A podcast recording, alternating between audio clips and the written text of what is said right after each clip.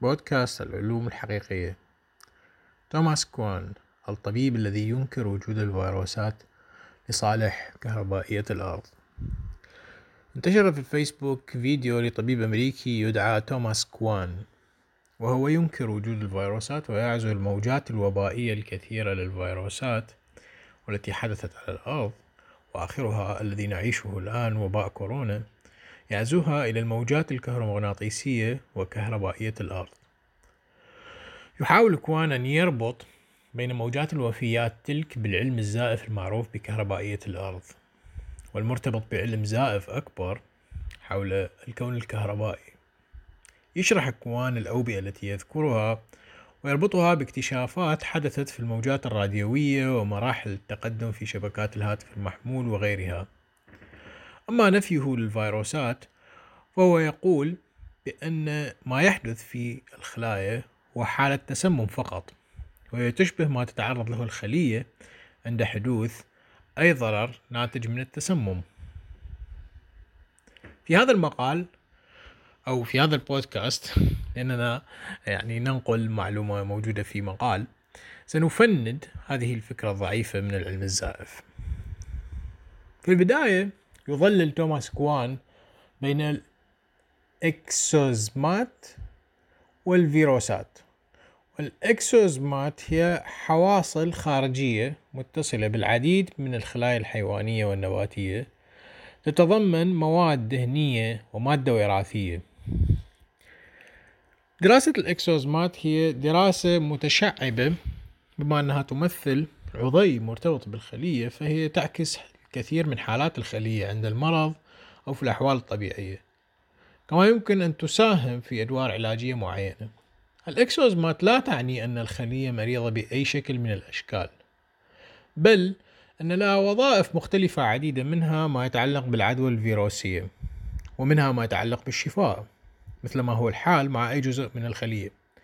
لا ندري ماذا يقصد كوان عندما يحاول الخلط في هذا الأمر ويقول أنها تنسجم كليا مع فكرته.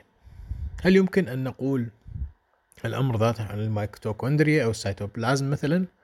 وأنه إذا حدث شيء ما معها فإن هذا يعني أنها هي الفيروسات وأنها تدل على أن الفيروسات هي نواتج من الخلية نتيجة التسمم. فقط القصد الدقيق لكوان مبهم. والفكرة العامة واضحة ومضللة جدا. نترك الخلية ونتجه إلى الموجات الراديوية. في بادئ الأمر علينا أن نذكر لكل المندهشين بفيديو كوان أن التطابق بين الأوبئة والاكتشافات الحاصلة في الموجات التي يذكرها واستخدامات تلك الموجات على نطاق واسع هي أمر غير صحيح على الإطلاق أي أن التطابقات التي يذكرها غير صحيحة. لا يمكن أن تجد حدثا مميزا في تاريخ الراديو في السنوات 1917 و 1918 وهي فترة انتشار الإنفلونزا الإسبانية. سوى حادثة أول بث راديوي للموسيقى. هذه الحادثة بالتأكيد لا تعني أن الموسيقى أن البث الراديوي قد انتشر إلى حد كبير كانت فقط أول شيء أول أول مرة حدث الأمر. الاكتشافات بخصوص الراديو والتقدم الصناعي به مستمرة منذ ظهور براءة اختراع الراديو لماركوني عام 1869 وحتى انتشار راديو جيب عام 1954 ولا يمكن أبدا أن نرسم نقطة فاصلة مثل التي يزعم كوان زيفا وبهتانا أنها موجودة في السنوات 1917 و 1918 الكلام حول تعريض الكائنات لمجال كهرومغناطيسي جديد مما يؤدي إلى وفاة البعض وبقاء البعض في حالة معلقة كما يقول وليعيش البقية أطول ولكن بحالة أكثر مرضية. هو هراء وهو علم زائف. نذكر القارئ بماهية العلم الزائف أولا. العلم الزائف هو صبغ للادعاءات غير العلمية بصبغة العلوم. وما يحدث هنا أن كوان يتكلم وكأن هناك قانون أحيائي أو فيزيائي ينص على هذا الأمر. في الحقيقة لا يوجد قانون كهذا ولا يوجد شيء كهذا. رغم أن ما انتشر مثلا حول ضرر موجات الميكروويف وأضرار الهاتف المحمول وكونها من أسباب مسببات سرطان فلا يمكن القول أن هناك تأكيد علمي حول أي من هذه الأضرار حتى هذه اللحظة. فما بالنا بمن يتكلم عن جميع الأمراض وجميع الموجات بهذا الشكل الواسع والعشوائي. النقاش حول ضرر صنف محدد من الموجات وحول كونها تسبب الأورام أخذ عقودا ودراسات ولم يثبت شيئا. فهل يريد كوان أن يثبت أن جميع الموجات الراديوية هي سبب لطيف شاسع من الحالات المرضية لمجرد أنه يقول ذلك؟ نعود إلى التسلسل الزمني لكوان ولا ندري أي وباء يتكلم عنه أثناء الحرب العالمية الثانية تحديدا وهو يربطه بالرادارات ثم ينتقل إلى مغالطة أخرى مثيرة للاهتمام. هذا يقول أن حزام فان ألين المحيط بالأرض قد تمت مقاطعته بأقمار صناعية في عام 1968 مما تسبب في حدوث إنفلونزا هونغ كونغ التي قتلت حوالي مليون شخص حول العالم.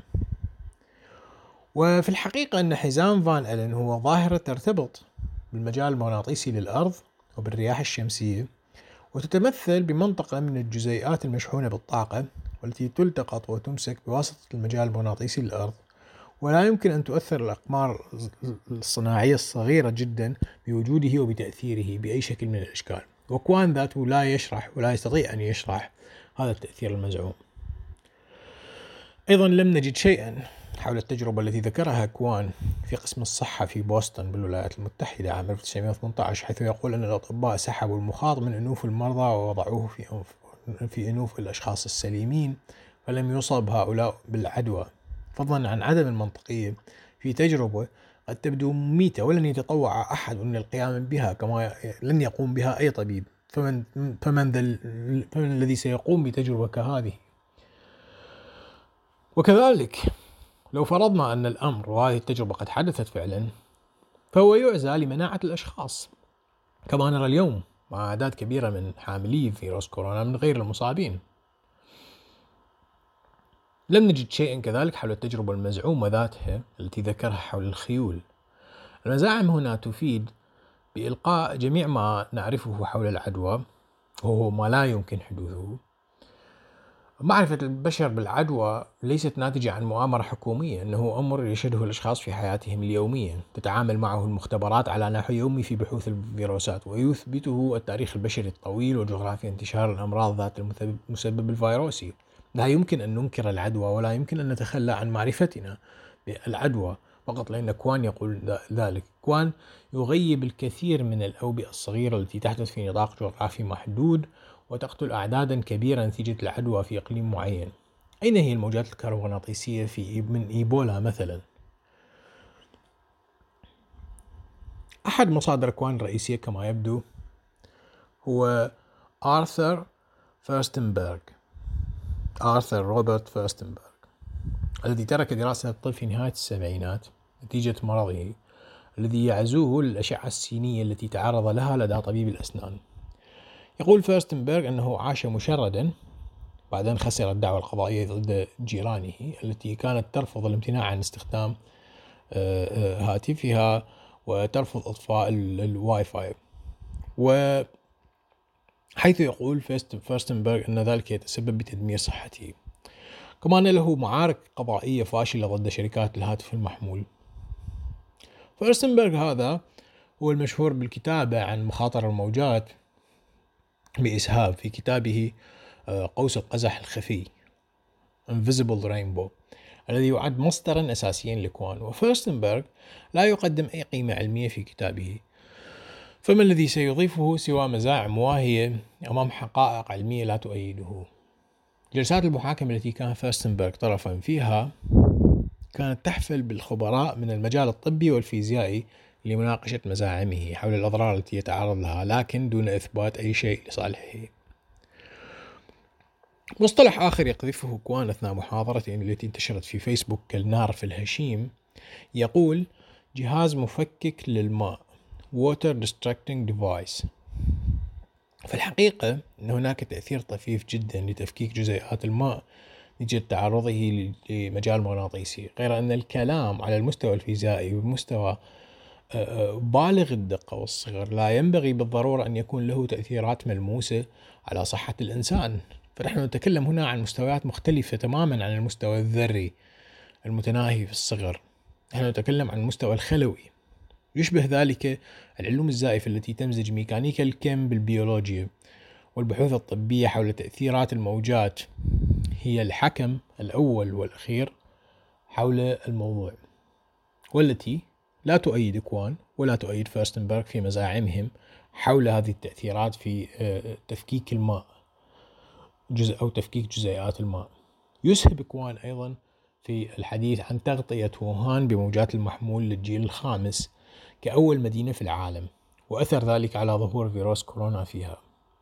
وفي واقع الأمر هذا الادعاء غير صحيح. فقد تمت تغطية العديد من المدن الكبرى في الصين قبل ووهان. اليابان فعلت الأمر ذاته قبل أسبوعين. هل ستشهد هي الأخرى موجة قوية لكورونا؟ في الواقع تساوت كثير من البلدان وكثير منها لم تفتتح شبكات الجيل الخامس وحصلت فيها وفيات أكبر. ماذا عن الولايات المتحدة مثلا؟ هناك مدن افتتحت شرعت بشبكات الجيل الخامس ولم يحدث فيها بقدر مدن ليست لم لم يبدأ استخدام شبكات الجيل الخامس فيها. يؤمن كوان أيضا أن اللقاحات سيئة وضارة كما يؤمن بخرافة تجويع الخلايا السرطانية لمعالجة السرطان ويركز جانبا كبيرا من طروحاته بشكل عام عن السرطان آه، آه، حول آه، الماء في الخلايا. وتعد منتجات كوان الطبيعية إحدى مصادر دخله فضلا عن كتبه الشهيرة التي يحذر في أحدها من اللقاحات ويتكلم في الآخر عن فلسفته حول السرطان والماء. أما الكتاب الثالث فهو حول أن القلب ليس مضخة للدم فقط. أي يمكننا القول أن توماس كوان متخصص بالعلوم الزائفة بشكل كامل. شكرا لكم.